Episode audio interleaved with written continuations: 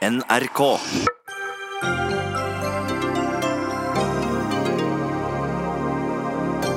Hvem vant egentlig på at regjeringen skroter hele forslaget om nasjonal rammeplan for vindkraft på land? Ikke vi, sier vindkraftmotstanderne, og ikke vi, sier vindkrafttilhengerne. KrF legger en klam og moraliserende hånd over familiene, mener SV. Hvorfor tok familiepartiet penger fra utsatte barn og ga dem til samlivskurs? Finansieringen av Oslo-skolen forsterker ulikhetene. Vi har ikke noen fellesskole lenger, mener lærer. Hun bruker egne anekdoter til å generalisere, svarer Høyre. Og Storbritannias statsminister har gledesstrålende meddelt at han har fått til en ny avtale med EU, men det er langt fra sikkert at den blir noe av.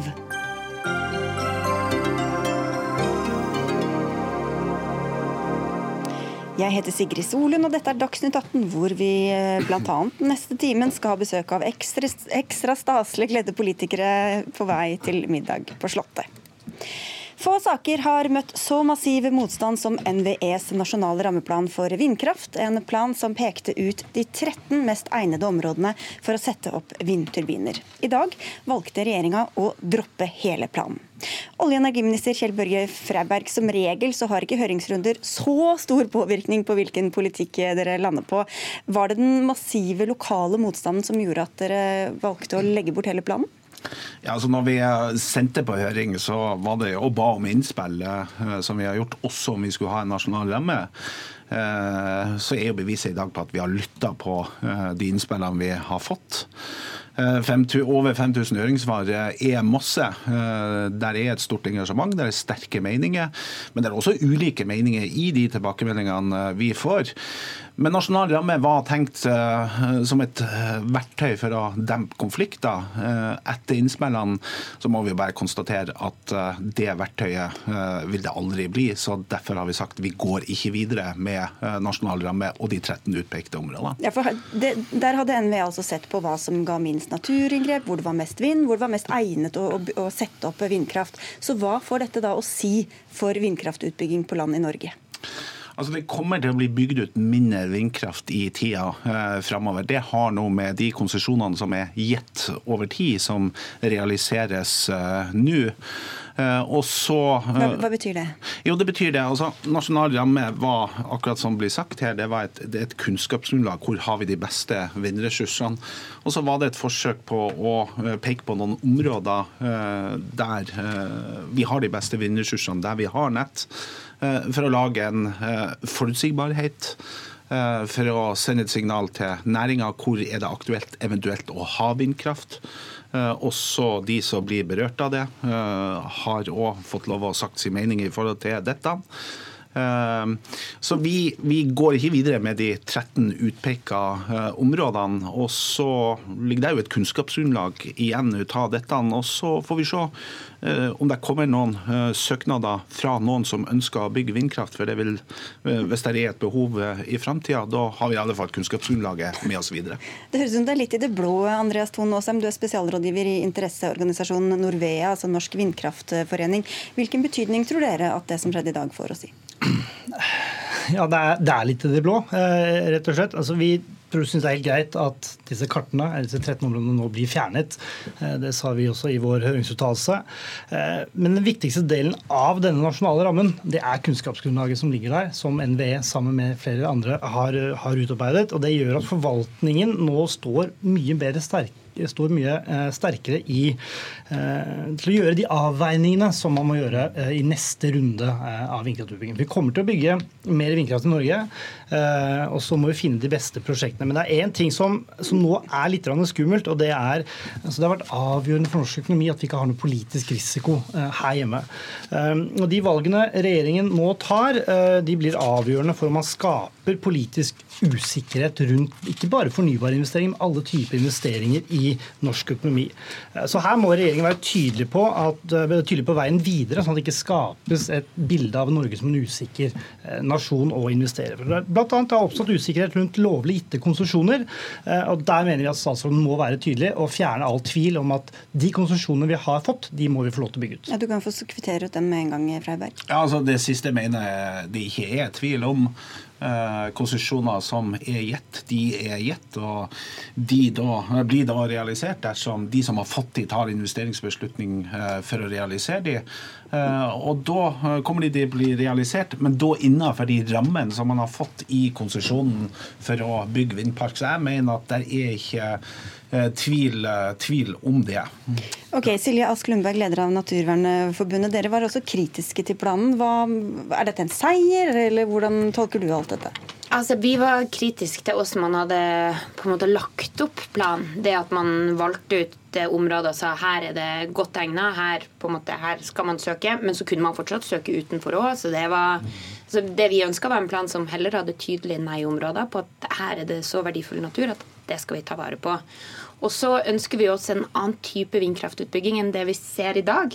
Vi ønsker jo en utbygging som heller Istedenfor sånn som nå, så ser vi at det er store områder som bygges eh, i gjerne urørte naturområder, men heller mindre anlegg i allerede industrialiserte områder. Det har man ikke sett noe på. Men så må jeg bare si når det gjelder konsesjonene og kunnskapsgrunnlaget, og at man skal gjennomføre de gitte konsesjonene innenfor eh, rammen, så må man jo huske at for det første så må man jo forstå at den motstanden som nå har kommet mot vindkraft, handler ikke bare om den ramma.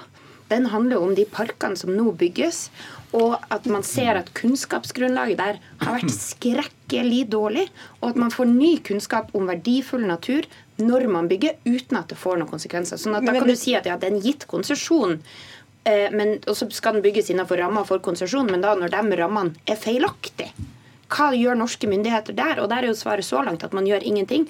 Man lar dem fortsette Mener du at man burde da gjøre noe med det som de to herrene her var enige om? Altså at det ikke burde få bygge som planlagt, det som ja, det har fått konsesjon? Det som vi har bedt om, er at man skal ha en etterkartlegging på miljøkonsekvensene på de gitte konsesjonene. Og det er jo fordi at vi nettopp nå ser, vi ser det i Trøndelag, vi ser det i Sogn og Fjordane, at det er masse ny kunnskap om naturen, om verdifull natur, som ikke kom fram i det hele tatt i konsekvensutredningen da den ble laga, og da den ble godkjent. Og Det er jo det som også gjør at, en, altså, at prosessene ikke har legitimitet. Mm, men Du skal få svare, Freiberg, men det er flere som peker på den politiske håndteringen og forutsigbarheten og hele prosessen her, eh, også dere, Asheim? Ja, altså, det er et paradoks her at vi nå står i fare for å, å skape politisk usikkerhet rundt fornybar energi. Altså i en, eh, Vi lever i 2019, være 11 år til, til, 20, til 2030. Eh, altså, politisk risiko det er som vannkopper vannkopper. er en guttunge i barnehagen. Hvis én får vannkopper, så får alle vannkopper. Eh, for investorer så klarer ikke de å skille mellom vindkraft og all annen type næring.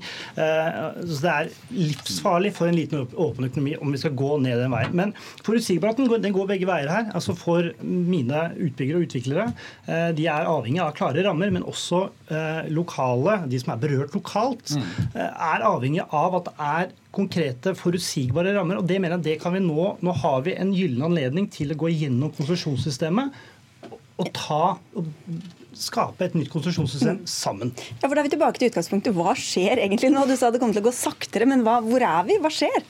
Jo, Det kom egentlig to nyheter i dag. Det ene er at vi skrinlegger nasjonal ramme. Og så burde egentlig Naturvernforbundet etter min mening juble. Eh, fordi at Det andre vi gjør, det er nettopp å gå gjennom eh, konsesjonssystemet. Eh, den ene tingen som vi er veldig tydelige på at vi kommer til å gjøre, nettopp for at vi ser behov for det, det er fra tida konsesjonen blir gitt til man faktisk bygger den. Det er, det, er, det er, problemstillinger rundt en konsesjon som er gitt for ti år siden, og så bygger du det ti år etterpå, der teknologien har endra seg, veldig masse har endra seg. Eh, og jeg har sagt at Vi har et godt konsesjonssystem i dag, for det mener jeg at vi har. Men vi ser også at det er eh, områder innenfor dette konsesjonssystemet som går an å gjøre bedre. Den jobben skal vi ta. Og da dreier vi litt til håndbrekket. Vi sier at vi gir ikke nye konsesjoner før den jobben er gjort. Det tror jeg vindkraftbransjen eh, er kjent med. Det tror jeg alle sammen er kjent med. Men, ja, nei, jeg skulle bare si, for Spørsmålet er jo litt hvem som skal få bestemme. Også, fordi Vi hadde jo mye diskusjon om skal lokale myndigheter kunne sette foten ned. Eh, nå har Vi jo, da vi vet hvor, det, hvor NVE mener det er best egnet, så kan det være andre områder hvor lokalbefolkningene eller politikerne er positive, men det er egentlig ikke så mye vind. Hvem er det som egentlig skal sitte og, og avgjøre dette her? Ja, altså, øh, Når det kommer et ønske om å bygge vindkraft, så kommer det jo ifra noen, noen som har et behov eller ser en mulighet mulighet til å skape en vindpark der man kan få solgt krafta si. Og så er det myndighetene sin rolle å behandle den konsesjonen som må da fremmes, som er, som er en gjennomgang der man vurderer alle sider nytten med dette, sett i forhold til ulempen. Og Det vi sier, det er det at det systemet som vi har hatt, det har vært bra, men det er grunnlag for å gjøre det bedre. Det skal vi stramme, stram opp. Ok, Men på med håndbrekket, det lover jo ikke så godt for den grønne revolusjonen da, Lundberg? Men det vi må huske også i den grønne revolusjonen, at for at den også skal være grønn, så må vi ta vare på naturen. Og vi er veldig fornøyd med at man skal ha gjennomgang av konsesjonssystemet. For det som har vært utfordringa, man kan godt høre at du sier at det har vært veldig godt, men der det ikke har vært godt, har vært på miljø og på konsekvensene for biologisk mangfold. Og det har vi så mange skrekkelig stygge eksempler på. Og det er vi nødt til å nå se på at det kommer tydeligere krav på hvor lenge man skal være i felt, på hvordan kompetanse kartleggerne skal gjøre, sånn at vi faktisk får vite hvordan natur det er i området. Kort slutten, begge to. Ja. Ja, altså, behovet for vindkraft. Når jeg sier at det kommer til å bli bygd ut mindre vindkraft i framtida I 2011 så brukte man altså, altså da innførte man elsertifikatsystemet. Man, man, har brukt skattebetalerne sine penger for å få utbygd, utbygd vindmøller. Det vært satt et mål på 13,5 TWh. Det har vi nådd med de konsesjonene som vi har gitt. Vi har et kraftoverskudd. Vi kommer til å ha det en stund framover også. Det kommer selvfølgelig til å påvirke hvor mye vindkraft som kommer til å bygges i framtida. Mangelen på fornybar kraft det var grunnen, unnskyldningen til at vi ikke elektrifiserte Melka i 2011. Vi kan aldri havne i en situasjon lik det igjen. Eh, vi er nødt til å bygge ut mer fornybar kraftproduksjon. Vi som bransje har allerede påbegynt arbeidet med en best practice for å utvikle vindkraftprosjekter. Vi ser frem til å jobbe sammen med dere og NVE på å videreutvikle eh, konsesjonssystemet. Og jeg tror kanskje det er ordentlig god grunn for at vi tar en god kopp kaffe, kanskje sammen med DNT ute i marka. Og så ringer dere oss når håndbrekket er i ferd med å bikkes på. Og så får de alle som ønsker seg mer om vindkraft og klimapolitikk, få se på debatten på NRK1 i kveld klokka 21.25. Takk skal dere ha, alle tre. Dagsnytt 18 alle hverdager klokka 18.00 på NRK P2 og NRK2.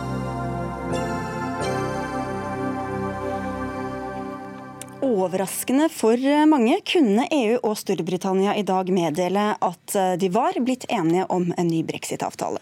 Partene har forhandlet i dagevis forut for EU-toppmøtet i Brussel som begynte i dag. Og der er du europakorrespondent Philip Lote. Hva er egentlig forskjellen på denne avtalen og den som Theresa May fremforhandlet, og som ble solid avvist i Underhuset i sin tid? Det som er spesielt med denne avtalen, her er jo at den inneholder deler som EU har diskutert med Storbritannia tidligere, men som Theresa May aldri la fram i sine avtaler, for hun fikk klar beskjed om at det aldri ville gå igjennom. Men for Boris Johnson så gjelder andre regler, eh, så han eh, snudde på ting han har sagt før, og som hans støttespillere har krevd av han før. Eh, så han ga etter. og ville tillate at Nord-Irland etter alle praktiske formål eh, blir værende i EUs tollunion, mens resten av Storbritannia eh, forlater EU og tollunionen. Sånn at Nord-Irland blir knyttet mye tettere opp til EU som marked eh, enn det resten av Storbritannia blir. Og så har han da, for å få landet en avtale før 31.10, hvor han har sagt han skal ta Storbritannia ut av EU, koste hva det koste vil, eh, da gitt etter og tenkt at jeg er god nok til å klare å selge dette til mine egne folkevalgte hjemme, men det er eh, nå som vi står her, egentlig ganske usikkert om han vil klare. Men hva med EU, for de sa jo at de ikke ville forhandle en, en ny avtale. Ga de seg på det, da? Ja, det har vært noen underlige dager og timer her inne i innspurten, men det er klart at EU har formelt gjenåpnet uh, samtaler og forhandlinger de ikke sa de ville gjenåpne. Uh, men det gjorde det fordi at Boris Johnson kom dem såpass i møte, at han kom med såpass store uh, innrømmelser at det egentlig kun var snakk om å Eh, åpne litt på det de allerede har gjort, for å gi ham den lille gevinsten. Eh, men i praksis eh, så er jo avtalen han har fremforhandlet bare en annen versjon av denne omstridte Irish backstoppen, hvor han på en måte, ifølge mange i Nord-Irland, ofrer dem for å kunne ta resten av, resten av Storbritannia ut av EU. Mm. Og som du var inne på, så skal dette altså stemmes over, og da er det et stort spørsmål om det, om det går hjem, gjennom. og Det skjer altså på lørdag. EU sier i dag at flere utsettelser kommer ikke på tale. Tusen takk skal du ha for at du var med i Dagsnytt 18, Filip Lotte.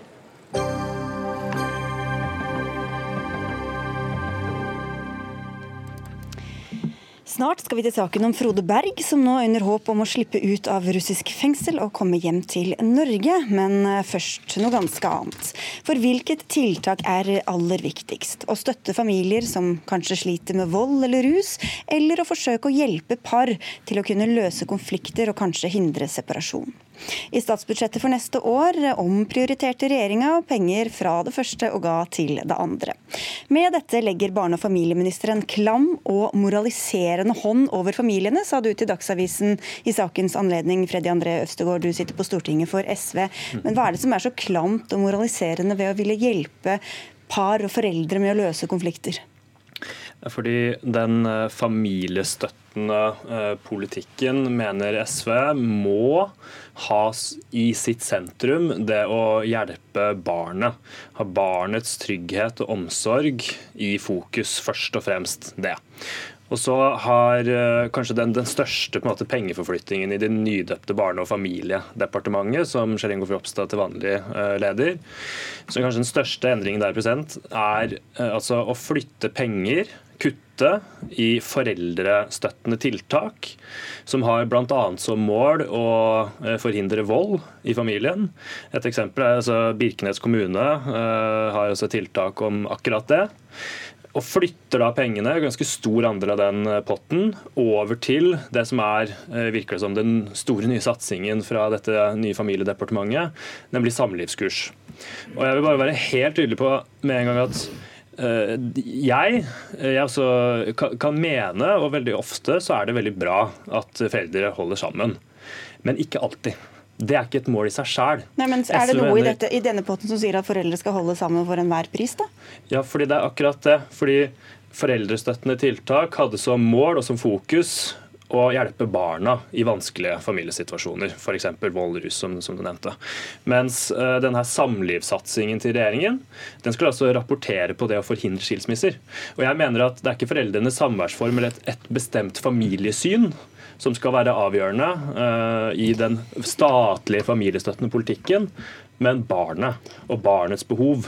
Og Der har det vært en for, fordreining med den uh, nye Barne- og familiedepartementet. Og Det mener jeg er å la et bestemt familiesyn få trumfe over hensynet til barn. og det syns jeg er ganske alvorlig. Så det er det klamme og moraliserende. Olaug Bollestad, du er konstituert barne- og familieminister fordi din partikollega fungerende.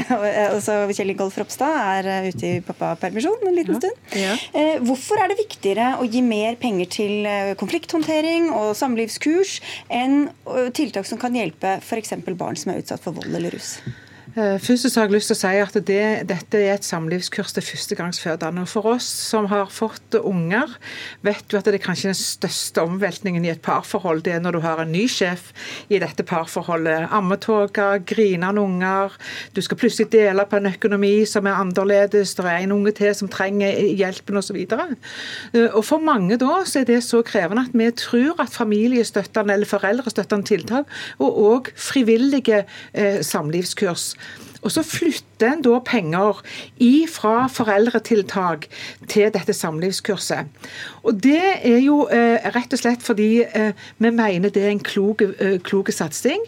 Og så er det ikke sånn at vi ikke hjelper barn som er utsatt for vold. Jeg har lyst til å minne representanten om at det, det er ti ganger mer igjen på den potten enn det var når SV satt, satt i dette. Vi har lagt inn én milliard på handlingsplan i forhold til ja, vold mot barn. Økt, dere har ja. økt masse siden dere ja. kom, eh, ble støtteparti, og nå kom inn i regjering. Men det dere fikk til i fjor, var jo å øke potten for inneværende år.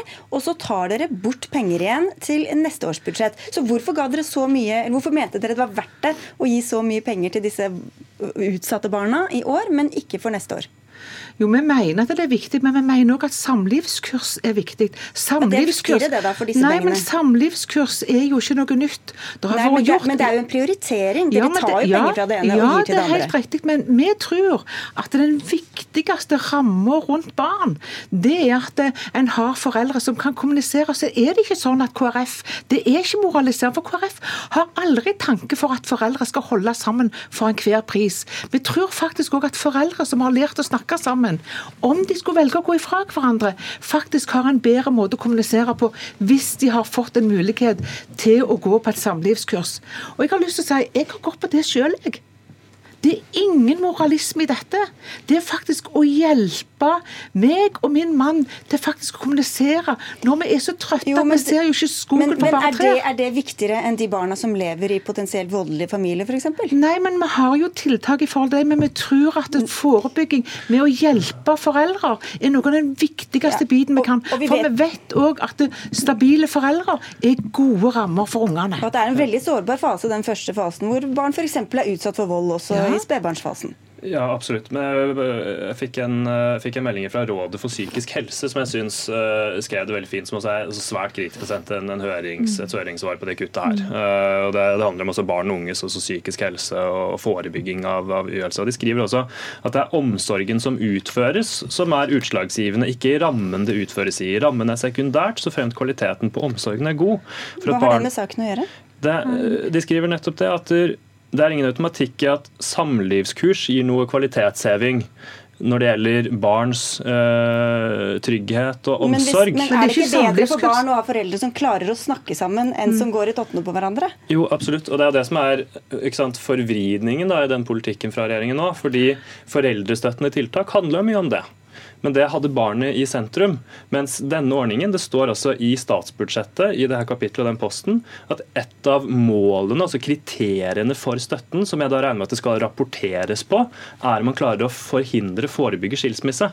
Og Det er da jeg mener at et bestemt familiesyn settes over det som er barns beste. Fordi det, veldig ofte Bør det ikke være et mål å prøve å forhindre Jo. skilsmisse? jo, absolutt, det kan være helt greit. Men jeg mener ikke at det skal være førende for den statlige familiestøttende politikken når det er snakk om barn. Og det er bare veldig viktig å si, fordi For mange barn så kan det være helt OK, det er jo bra at foreldrene holder sammen, men det er ikke vanskelig å forestille seg de barna hvor det er helt riktig og kanskje veldig viktig at familien, at, at foreldrene nettopp ikke lenger er sammen. Men- men og det det er er Når man vrir politikken fra det ene til det andre, så tar det da altså barnets behov vekk. Og det er det jeg syns er eh, å la altså et bestemt familiesyn få få forrang. Jeg syns faktisk at eh, SV sin representant har faktisk ganske forutinntatte eh, holdninger til en- hva en familie KrF og regjeringa har aldri sagt at de som ikke skal være sammen, skal holde sammen for enhver pris. Men vi tror oppriktig at det er godt for ungene våre at foreldre lærer og kan få snakke om hvordan skal vi ta den situasjonen når ungen på tredje døgnet er våken, og du er underernært på søvn, du Så, har en krevende Det mener jeg er forebyggende. Men ikke på for bekostning av tiltak mot vold mot barn. egentlig, Du syns egentlig at dette tiltaket er bra, men du skulle ønske at det var mer penger til det andre? Er det sånn å forstå? Altså, Eller? hele Problemet er jo at man, altså, man vrir ikke sant, Ja, noen ordninger man har i dag, Ja, som, men du har, ikke, som du har ikke mot å gi mer penger til samlivskurs? Nei, samlivskurs kan være helt greit, men det er det når man kutter i tiltak mot vold mot barn for Ja, å men satse på men- men- men- samlivskurs. Da er det en veldig feil prioritering. Da lurer jeg på, Disse 17 millionene som da ikke lenger skal gå til dette støttende kurset, hva slags tiltak er det vi da får se mindre av framover? Jeg har lyst til å si at Er det noe som vi har gjort i regjering Nei, men kan du ikke svare på spørsmålet jo, heller? Jeg kan svare på spørsmålet, fordi at vi mener at det er forebyggende tiltak for ungene at foreldrene får gode rammer rundt sitt samliv. Jo, men hva Også, er, hva slags, Den potten dere nå tar penger bort fra, hva Der er- slags tiltak blir det da ja, mindre av? er, er 35 millioner kroner igjen i den potten. Ja, i og Hva den slags potten- tiltak er det det da blir Ja, mindre men av? det er Bare for å skjønne hva det- dette handler om. Det, det er familiestøttende tiltak. Det er familieforeldrestøttende tiltak som en kan søke på og få utdelt midler til, som går på hjelp til foreldrene. Og jeg mener samlivskurs òg er hjelp til foreldrene. Jeg kan komme et eksempel her. På, På, på, ikke det, der. Birkenes kommune forebygging av vold i nære relasjoner. De er nødt til å kutte pga. den omprioriteringa her. Det mener jeg er galt. Å ta man Men- barnet men ut da- av men da- fokuset. Ok, for å skal- satse vet dere mer. hva? Da må SV faktisk se på at det må være ingen penger der i 2014. Nei, og Da kan dere angre på det. Nå må vi dessverre avlyse resten av denne debatten. å. Vi, vi har flere debatter som står i kø. Tusen takk skal dere ha begge to. Olaug Bollestad, konstituert barne- og familieminister, og Freddy André Øvstegård fra SV.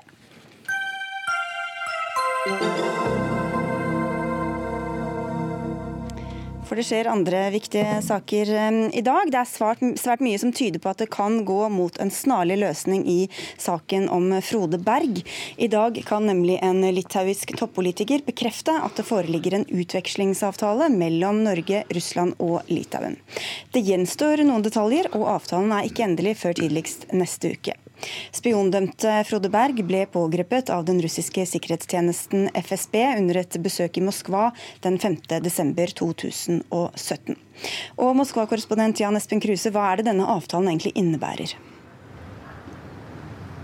Ja, Den innebærer en utveksling av spiondømte. Først og fremst er det snakk om en relativt kjent russer. Han skal ifølge mediene ha vært etterretningsoffiser og forsøkt å verve eh, tjenestemenn i den litauiske sikkerhetstjenesten for å få eh, dem til å plassere lytteutstyr eh, på den litauiske presidentens kontor. Det er i hvert fall det mediene rapporterer om det. Så han kan bli sendt tilbake til Russland. Det er også snakk om en annen, en annen russer russer som kan eh, også bli sendt ut fra Litauen. Og så er det snakk om to litauere som har blitt dømt til lange fengselsstraffer i, her i Russland, og at de kan bli byttet ut. Og så kommer da i tillegg i denne utvekslingen eh, Frode Berg, som, eh, som ifølge dette Eh, nyhetsbyrået i Litauen, eh, og ifølge politikerne i eh, Litauen, skal være med på denne utvekslingen. Og Det er vedtatt en lov i Litauen i dag som gjør det mulig å utveksle russiske spioner. Det er jo ingen som har kommentert dette fra offentlig hold i Norge, i hvert fall, men det at det nå er blitt kjent, kan det stikke kjepper i hjulene for den avtalen? Eh, det er en eh, vanskelig sak. Eh, advokatene til Frode Berg har gjentatte ganger sagt at det er mye som kan gå galt her. Men med at denne nye loven er vedtatt i dag, så er én formell hindring ryddet av veien. Og så spørs det om det er andre juridiske problemer som kan stikke kjepper i hjula. Men eh, ifølge eh, nyhetsbyrået i Litauen så, så skal altså rammen eh, rundt hovedtrekkene i utvekslings frihandelsavtalen være klar. Det skal være detaljer som gjenstår, og det kan være da mulig at en utveksling skjer eh, allerede neste uke, er det man sier der. Du nevnte advokatene. Vi sitter her med en av dem. Brynjulf Risnes, du er advokaten til Frode Berg her i Norge. Du var her i går akkurat da nyheten eh, sprakk. Hva betyr det nå at det faktisk er en navngitt kilde som har kommentert saken?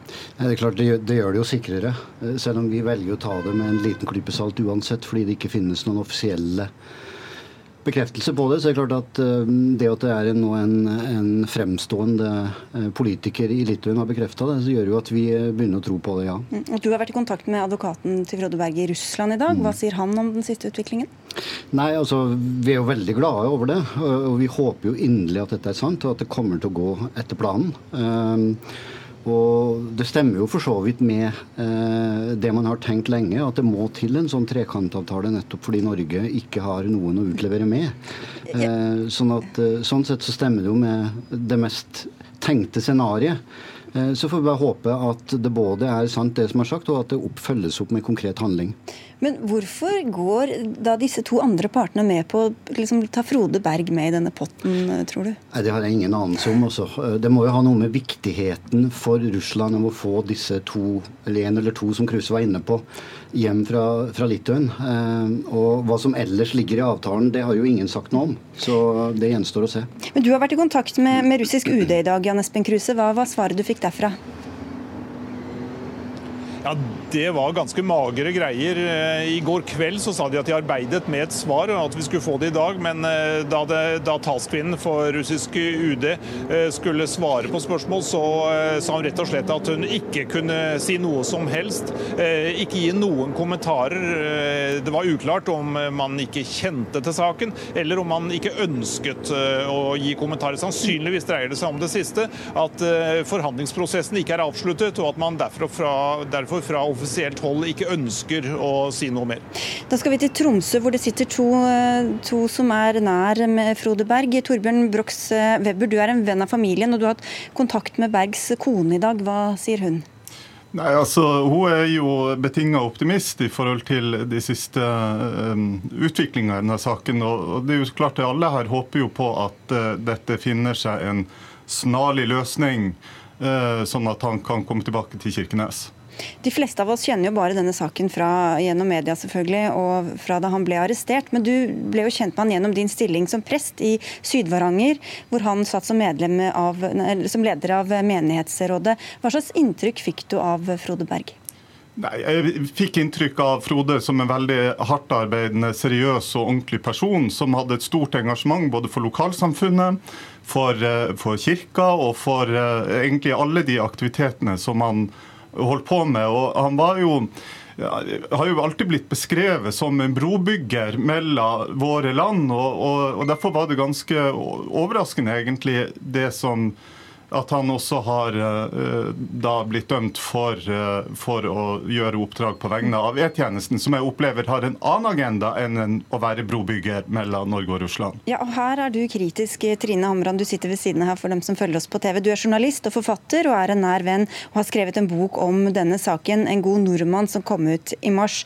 Og Der går du hardt ut mot E-tjenesten og mener at Frode Berg ble presset til agentvirksomhet. Hva har han selv sagt om det?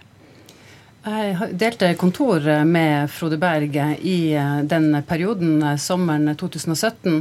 Så jeg så jo med egne øyne i, i sanntid hvordan han ved flere anledninger ønska å bryte med E-tjenesten. Han ønska ikke lenger å gjøre denne tjenesten med å gjøre kureroppdraget for E-tjenesten. Eh, Frode klarte å si nei, han klarte å slutte. Men dette ble da ikke respektert av Etterretningstjenesten, som pressa han tilbake Eh, overtalte, eh, appellerte til hans eh, lojalitet som tidligere forsvarsmann med å spørre om han ikke ville være en god nordmann. Og På den måten fikk han tilbake til å gjøre den jobben. De forsikrer han jo også om at dette ikke var noe farlig. Og jeg tenker at Frode Berg har hatt veldig stor tillit til dem som har rekruttert han og satt han i denne situasjonen. Jeg mener selvfølgelig det er kritikkverdig at de bruker en sivilist til et ulovlig oppdrag i utlandet på denne måten? Vi har jo kontaktet E-tjenesten, som har takket nei til å komme med tilsvar. Og heller ikke Utenriksdepartementet ønsker å uttale seg om eh, denne saken. Men, men Weber, hvorfor tror du at, eh, at, Berg, akkurat han, ble kontaktet av, eh, av Etterretningstjenesten? Det er jo et veldig godt spørsmål, og det er jo, det er jo noe som jeg håper man kan få svar på. Fordi at Jeg syns ikke det er særlig greit at vi har en etterretningstjeneste som bruker personer som er aktiv del av sivilsamfunnet i Sør-Varanger, til å utføre den type oppdrag. Vi, vi som bor i Sør-Varanger er veldig opptatt av å ha et godt og stabilt og tillitsfullt forhold til vår nærmeste nabo, som er Russland. Og, og den type aktivitet som E-tjenesten driver på med, det er veldig uheldig. Men, men dere har jo Frode Bergs ord for dette, Trine Hamran. Hvordan kan du være så sikker på at det er hans versjon som er riktig? Nå eh, er det jo sånn at Jeg har selv sett det gjennom flere omganger. Eh, man har eh, funnet noen navn på folk i E-tjenesten, og man har også andre kilder. Også det som har kommet ut av det russiske rettssystemet. Alle piler peker mot Etterretningstjenesten, og også at de har visst Eh, at Frode Berg gjorde oppdraget for eh, Utenriksdepartementet eh, mens han ble rekruttert gjennom Grensekommissariatet i Kirkenes, mens han ble rekruttert av Etterretningstjenesten og Forsvarsdepartementet til å begå lovbrudd i Russland. Så Forsvarsdepartementet og E-tjenesten har jo i så måte undergravd norsk politikk og det norske folk-til-folk-samarbeidet med sin rekruttering av Frode Berg.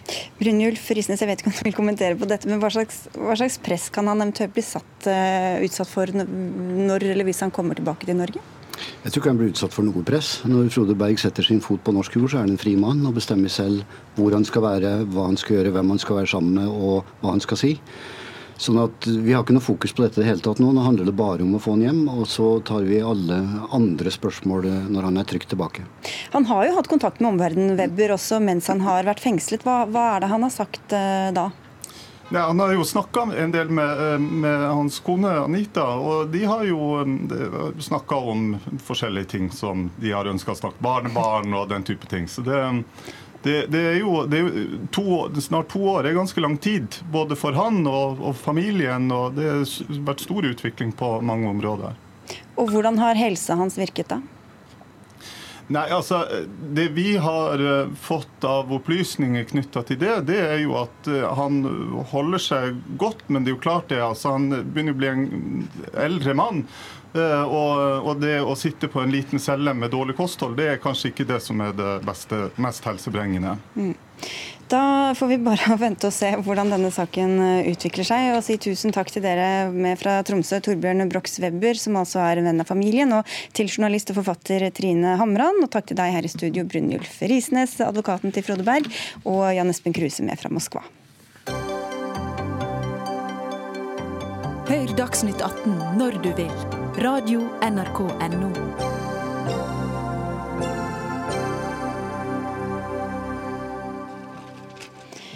Ressurssterke barn er eh, billige og lønnsomme. Sårbare barn er dyre i eh, drift. Velkommen til konkurranseskolen. Det skriver du, eh, lærer Gunhild Nore Valdén på NRK Ytringssider. Og du mener altså at det ikke lenger er noen fellesskole i Oslo. Hvor ble det av den? Ja, det kan man jo undres på. For når du har en måte å styre skolen på, eller når skolens finansiering forsterker forskjellene mellom skolene og barna, så får du vinnerskoler og taperskoler. Og I tillegg så bidrar jo dette fritt skolevalget til økt segregering. Um, og da blir jo denne delte byen bare enda mer delt. Ehm, og når du har så enorme forskjeller da, mellom skolene i et lite geografisk område, både elevsammensetning, men også ressursene som skolene har, så tenker jeg da er det ikke en fellesskole mer. Ja, for Du tar jo utgangspunkt i din eh, virkelighet. Eh, så beskriv den hvordan det, hvordan det er. Uh, ja, også, Vi ser jo at vi har mange barn vi kunne ha hjulpet, men som vi ikke har ressurser til å hjelpe fordi at ikke det ikke er nok Eh, Finansieringa tar ikke høyde for de behovene som elevene har ved skolen. Så det er jo en, eh, en hverdag hvor vi kjenner på veldig mye utilstrekkelighet. da. Ja, For dere ser behov hos eh, elevene som, som dere ikke kan oppfylle pga. penger? Ja, og det er jo også som også skjer fordi, ikke, fordi at ikke skolen får midler som følger elevens behov, så kan jeg ta et eksempel. Så som I fjor høst så fikk vi jo ganske mange barn som kom Eh, til skolen som ikke snakka norsk. Og det er jo klart at Barn som ikke snakker norsk og begynner på 1. og 2. klasse, må jo ha en god tilrettelegging. og Det krever mange, mange ressurser, og vi må skape gode rammer for disse barna.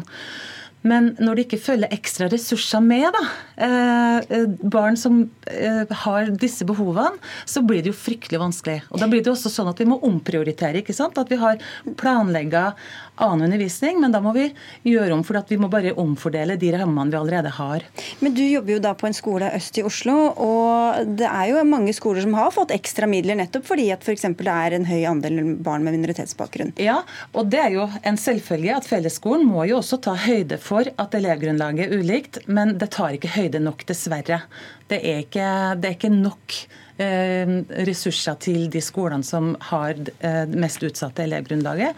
Og det skaper jo sårbare, ekstra sårbare barn. Vi har invitert skolebyråd eh, Inga Marte Torkelsen i Oslo, men hun ønsket ikke å stille. Men vi skal diskutere likevel. Mathilde Tubring-Gjedde, stortingsrepresentant eh, for Høyre på Oslo-benken.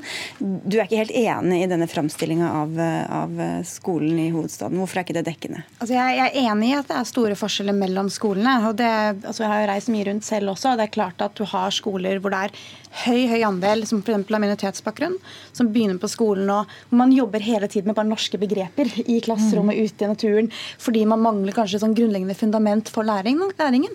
Og det er klart at det krever økte, økte ressurser. Og så har jo man i finansieringen av Oslo-skolen basert seg på faglig råd, hvor én av fem kroner går nettopp til å skjevfordele. Og så er Høyre vært opptatt av at man skal styrke selve skoleøkonomien og også liksom grunnfinansieringen veldig kraftig. Men det er viktig å understreke at det er en skjevfordeling her, eh, som f.eks. betyr at eh, Mortensrud, skole fikk 77 000 kroner per elev, mens Slemdal skole fikk 53 000 kroner per elev i fjor. Og Det er klart at det er en skjevfordeling. Um, og så er jeg kanskje litt uenig i den fremstillingen av fritt skolevalg òg. For jeg mener jo at altså, nærskoleprinsippet står jo veldig sterkt i Oslo. Problemet i Oslo er jo ikke at tusenvis av foreldre søker seg til ledig plass på andre skoler. Problemet er jo nettopp mer at du har områder innad i bydeler og mellom bydeler. Det er mange familier med kanskje lav inntekt, lav utdanning, eh, hvor du har kanskje også flere minoritetsbakgrunn. Og det påvirker jo skolen. Men, men dette, denne beskrivelsen av at de ser behov hos barna som de rett og slett ikke klarer å, å dekke, hva skyldes det? da? Det skyldes jo flere ting. Det er klart at man alltid ønsker seg økte ressurser, og det er jo en viktig del av det. Eh, og så mener jeg at eh, her har Oslo kommune en veldig viktig rolle i å følge opp de skolene man ser har større utfordringer. Jeg mener jo det har vært suksessen i Oslo-skolen nå, at man har sagt at man ønsker seg ikke på en måte andre elever. Man sier dette er de elevene vi har, og vi skal lage best mulig skole for disse elevene. Men det krever et samarbeid med, PP-tjenesten. Det krever at kommunen følger opp med kompetanseheving, med god ledelse. Det krever at man jobber med undervisningsopplegg opplegget på andre måter. Og Det er den oppfølgingen som kommunen har ansvar for. Vi har som sagt ikke noen eh, fra byrådet her, men vi har deg, Jorunn Folkvord. Du er fylkesstyremedlem i Utdanningsforbundet, og du er også medlem av styret i partiet Rødt. Så har vi nevnt eh, det. Men... Ja, jeg er her for Utdanningsforbundet. Du er her for Utdanningsforbundet. Det, er, det er langt fra tvil om det. Det sitter alltid noen og søker der ute, så da ja. sier vi det like gjerne. Men hva er deres eh, opplevelse da, i Utdanningsforbundet av, av konsekvensen av denne finansieringsmodellen, denne stykkprisfinansieringen? Altså, stykkprisfinansiering ble innført i Oslo-skolen på begynnelsen av 2000-tallet eh, av, eh, av Høyre, bl.a. Og vi har jobba mot det systematisk siden da. Og det er et problem at eh, politikere som Tybring-Gjedde bedriver tallmagi når de snakker om hvor mye penger det er per elev. For det vi må snakke om, er hvor mye penger det er per klasse.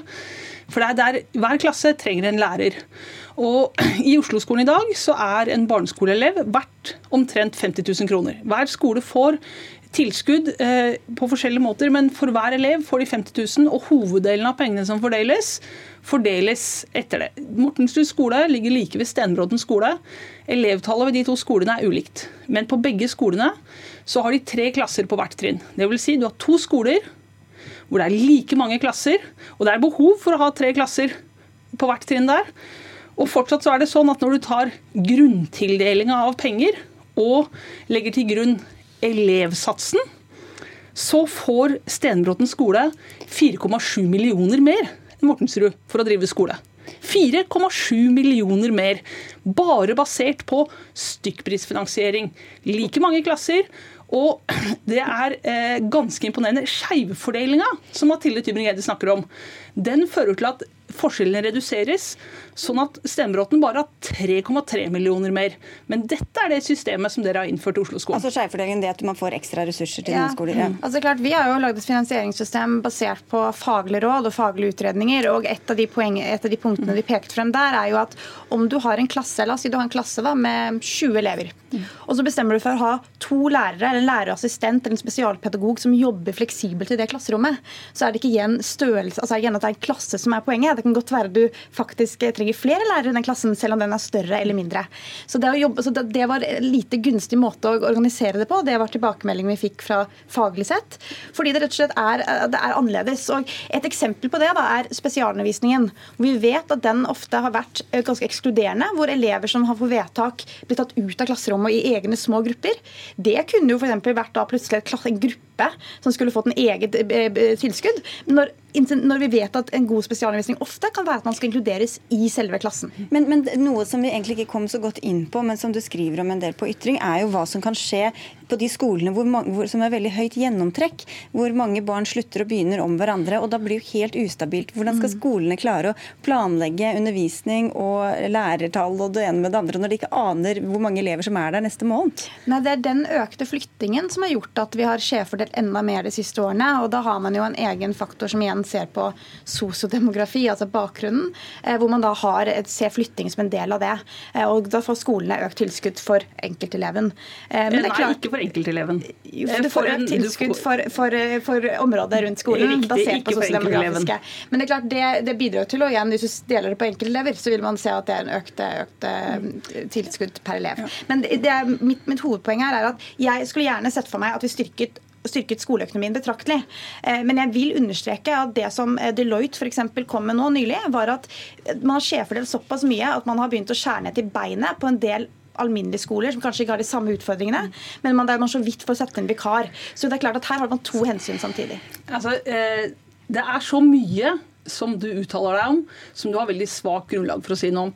Det er viktig å vite at eh, er det 20 elever per klasse, på en skole, og det er mange skoler i Oslo som er i den situasjonen, så er det ikke økonomisk mulig å velge om du skal ha én lærer, en lærer og en assistent, to lærere. Du har ikke noe rom for å velge. Du har muligheten til å ha én lærer inn i timen, og av og til, av og til kan du ha noe ekstra.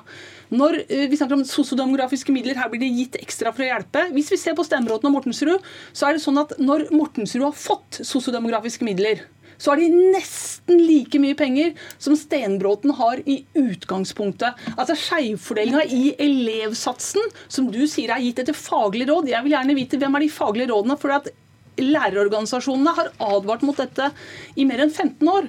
Og da vil jeg gjerne vite hvem er som er det, det faglige rådet. Det kan jeg godt gjøre. Både under forrige byråd og dette byrådet så har man hatt utredninger som har sett på finansieringsmodellen. Konsulenter. Konsulenter som har sett på, men det er også... Ikke lærere.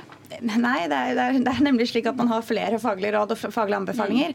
Men eh, igjen, jeg, jeg, mener ikke at gruppestørrelse kommer til å løse utfordringen. For du kan ha en skole som kanskje ikke har store utfordringer, men som allikevel deler eh, elevene sine inn i veldig små grupper. Og så skal de få da økt tilskudd. Og da blir det feil igjen. Så jeg, jeg, jeg er enig at jeg, igjen, jeg, vil gjerne at man kommer med å snakke om nivået her. og jeg, Oslo Høyre gikk jo til valg på en kraftig satsing på skoleøkonomien i Oslo.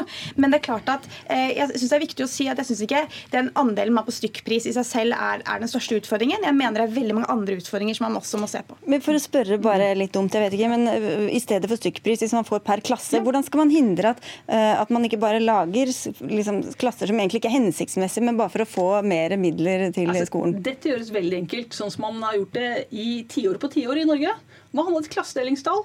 Og i praksis så har vi et klassedelingstall i barneskolen. Klasserommene har ikke plass til flere enn 28 elever. 28 elever er normen. Så hvis man ser på grunnskolen i Oslo, så vil du finne veldig få barneskoler som har klasser på 29 eller 30. Og så kan man bruke det som et utgangspunkt for å fordele penger. Det er ikke vanskelig å se på ulike modeller, men det er et problem at det nå er såpass lite penger i potten. Og Det skyldes bl.a. Eh, nedskjæringer gjennom en lang periode, hvor ditt parti Mathilde Tybring-Edde, styrte sjappa. De siste, siste, de siste fire årene så har vi nå eh, foreslått kraftig økning eh, i skoleøkonomien i Oslo og fått det nedstemt. så Det må bare nevnes. Men det er klart at jeg, jeg kan, altså, vi kan godt komme med flere faglige, faglige, råd, men jeg vil bare si at når man hører ordet fellesskolen som forsvant, da blir på en måte mitt spørsmål hva var fellesskolen? Var fellesskolen Oslo-skolen i 2004, da vi hadde 40 40% av elever på mange skoler i tredje klasse som lå under kritisk rensing i lese, skriving og regning, var det da vi hadde større frafallstall enn vi har i dag. Altså jeg mener det er viktig også å se på at Oslo-skolen har, siden man innførte også stykkpris, ikke pga. det, men det har i hvert fall vært sånn, fått en mye bedre resultater og klart i større grad utjevne sosiale forskjeller. Ja, men som resultater så er det jo ofte dette at man måler hvor mye skolen bidrar til barns eh, læring. Og da har jo disse skoleøkonomene kommet inn, ikke sant? og så setter de da et ansvar for læreren og skolen til å utjevne sosiale forskjeller. Um, samtidig som det da føres en politikk som forsterker og opprettholder sosiale forskjeller. Og vi har ikke kjangs til å utjevne disse sosiale forskjellene, vi som enkeltlærere og enkeltskoler. Det må også så brede politiske tiltak til. Og de barna som jeg kjemper for og snakker om, de trenger masse. Og det er ikke bare skolen som skal bidra inn i de, de, de, livene som er vanskelige og sårbare. Det trenger mange brede tiltak til. Og det blir for enkelt å gå inn og måle skolen på, på standardiserte tester og regne ut om vi, om vi utjevner sosiale forskjeller. For standardiserte prøver i seg selv er ikke eh, sosialt utjevnende. Ja, nei, men Ingen sier at en prøve i seg selv er noe som helst. En prøve i seg selv er jo et verktøy verktøy for å kunne målrette ressurser og oppfølging til skolene og til elevene som sliter. Og Det er jo det jeg er, er opptatt av. Og nei, jeg er helt enig. Det er ikke sånn enkeltlæreren har, har ansvaret. Grunnen til at vi f.eks. har åpnet om resultater, er fordi vi ansvarliggjør alle. Også, eh, også eh, PP-tjenesten, også kommunepolitikerne. At det er et lagspill for å få dette til å gå. Og jeg er helt enig. Det er ikke en enkeltlærer i klasserommet. Vi er mange som skal sikre at elevene lærer det de skal, og opplever å få muligheter på, uavhengig av bakgrunn. Og det, dere jobber, det, Du peker på Høyre, men det er jo modell som er videreført av Arbeiderpartiet, er SV, MDG med støtte fra vi, Rødt. Og... eh, vi jobber systematisk i Utdanningsforbundet for å få politikerne til å forstå dette. 4,7 millioner i forskjell mellom to skoler med like mange klasser, noen hundre meter fra hverandre. Hvor mange forskjell? Det er, det er Forskjellen på elevene er ca. 80 eh, elevers forskjell, men det er like mange klasser. Og det er, seks lærere, det er penger til seks lærere mer på den ene skolen enn den andre skolen. Og den skolen som har de lærerne, har ikke mye penger. Så det er noen som har 4,5 millioner mindre enn det de trenger for å drive ordentlig skole. Det er den økonomiske situasjonen. flere elever, så må også ha flere lærere. Så nå er det sikkert veldig mange lyttere som tenker skal dere ikke snart slutte å snakke om Oslo? Og det skal vi gjøre nå, men da skal vi si tusen takk til alle dere tre. Lærer Gunhild Nore Valdén, Mathilde Tybring-Gjedde fra Høyre og Jorunn Folkvord fra Utdanningsforbundet.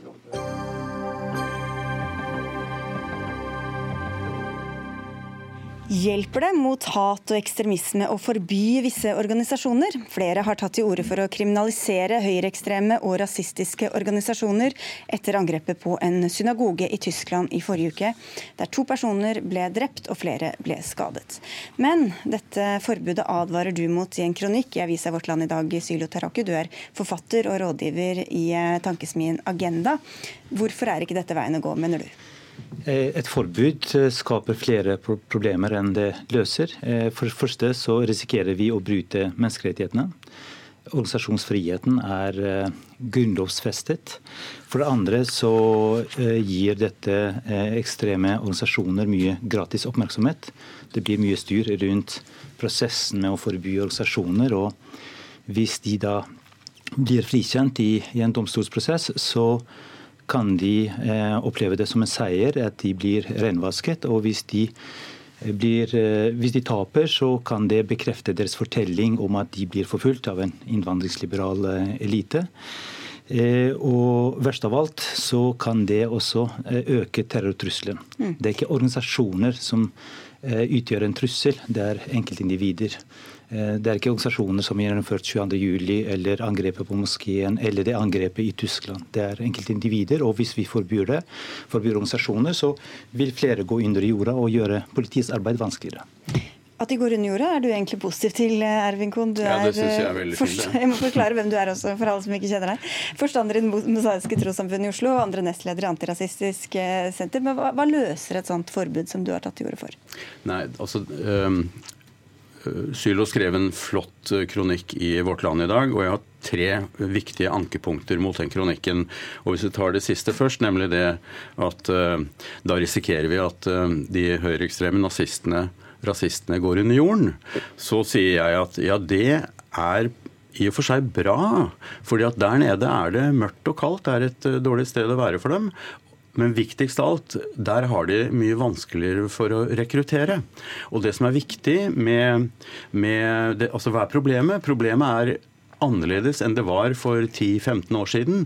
For i dag marsjerer de igjen i gatene våre.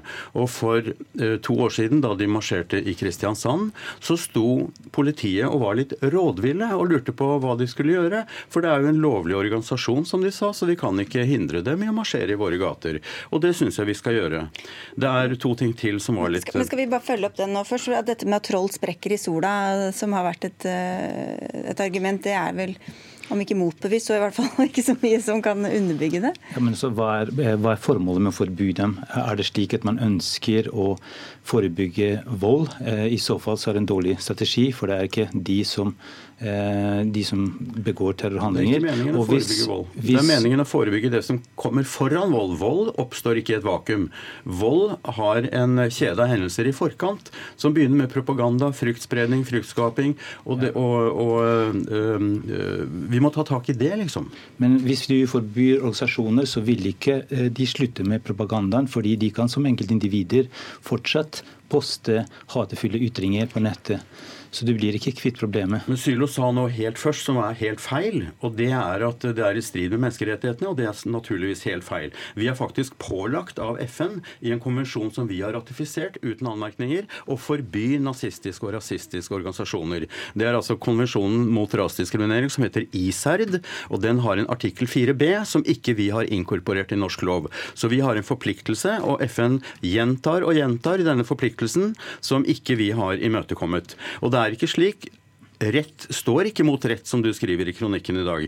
Fordi at uh, Det er mange land, det er ikke bare Tyskland, som har, har forbudt uh, nazistiske organisasjoner. Ungarn f.eks. Ungarske garden er forbudt, og det ble innklaget til EMD, og de tapte. EMD sier nazistiske organisasjoner har ikke noe vern i menneskerettighetene. Vi har eh, veldig strenge lover mot ekstreme organisasjoner. Eh, det er eh, straffbart å finansiere terrororganisasjoner og delta i terrororganisasjoner. Eh, det er straffbart til og med å komme med hatefulle ytringer. Spørsmålet om vi oppfyller forpliktelsene er blitt utredet, og det er blitt konkludert gang på gang at vi oppfyller de forpliktelsene fra FNs rasediskrimineringskonvensjon konvensjon. Eh, vi får oppfylle de formålene eh, med, med, det. Eh, og så står det jo konvensjoner og rettigheter mot hverandre. Vi må foreta en avveiing. Du får jo hver gang, da. Organisasjons, ja, det stemmer, men organisasjonsfriheten og ytringsfriheten er en kjerneverdi. Og så må vi bruke andre midler mot ekstremister. Hver gang de trår over en grense, bryter loven i forbindelse med eh, disse manifestasjonene eller ytringer og sånn, så må vi slå hardt ned på det. Men til det praktiske, Ervin Kohn, også en, en, organisasjon som du kanskje mener er rasistisk, vil si selv at nei, vi er ikke rasistiske. Eh, hvem skal bestemme hvor grensen går? Domstolene. Ja, og da kan de opprette en ny organisasjon ja, fem minutter etterpå. Ja. Det, så, Men det er ikke så lett. Det som kan bli problemet, er at det kommer krav fra andre som sier at ja, da må vi forby også eh, ekstreme organisasjoner på venstresiden. Da må vi forby muslimske organisasjoner. Da må vi forby kanskje noen moskeer osv. Da åpner man Pandoras eske og, og skaper ja, altså, mer polarisering. Slippery slope-argumentet syns jeg ikke er noe bra argument i denne sammenhengen. Jeg er redd for den uh, andre delen av slippery slope, mye mer redd for det, nemlig det at uh, de vokser. Altså Noe av meningen er at de skal få det vanskeligere med å rekruttere.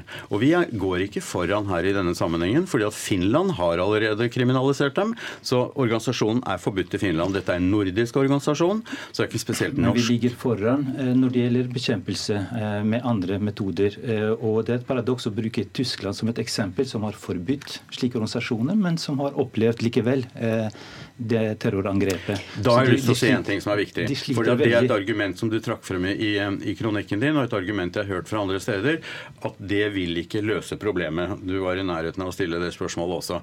Dette, altså det å forby nazistiske organisasjoner er ikke det eneste verktøyet vi har i verktøykassa. Det er ikke det som vil være saliggjørende. Men det vil være en hjemmel. Det er den måten vi som stat har muligheten til å sette opp noen gjerdestolper og si hva er det som er innafor og hva er det som er utafor. For å svare på, på akkurat uh, dette med at vil dette være saliggjørende, det vil det nok ikke.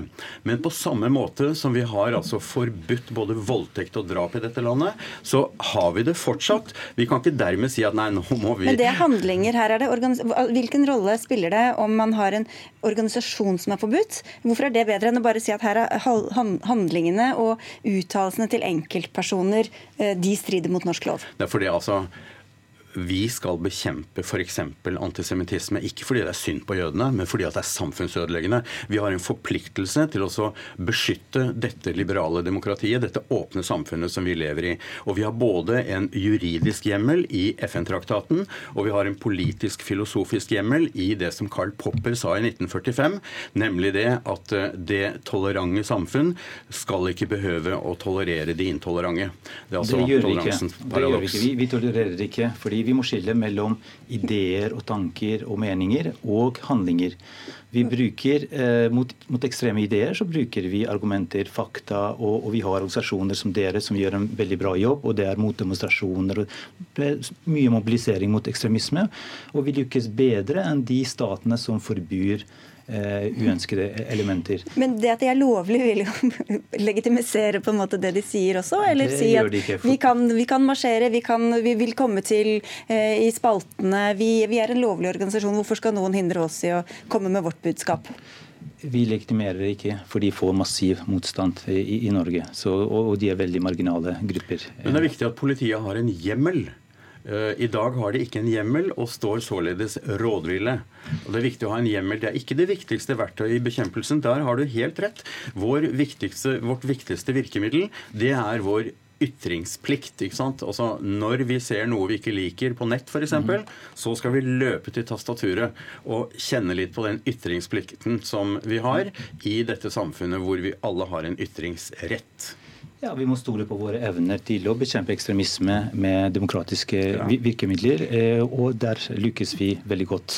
Og Lovgivningen vår i vår rettsstat er det viktigste demokratiske virkemidlet. på en måte. Da var det nesten litt enighet der en liten stund, så vi må avslutte der. Tusen takk skal dere ha begge to. Silje Taraku fra Agenda og Ervin Kohn fra både Det mosaiske trossamfunn og Antirasistisk Senter. Dagsnytt 18 er over for i dag. Vi høres igjen i morgen. Dag Dørum, Stein Nybakk og jeg, Sigrid Solund, takker for oss og ønsker en fin kveld.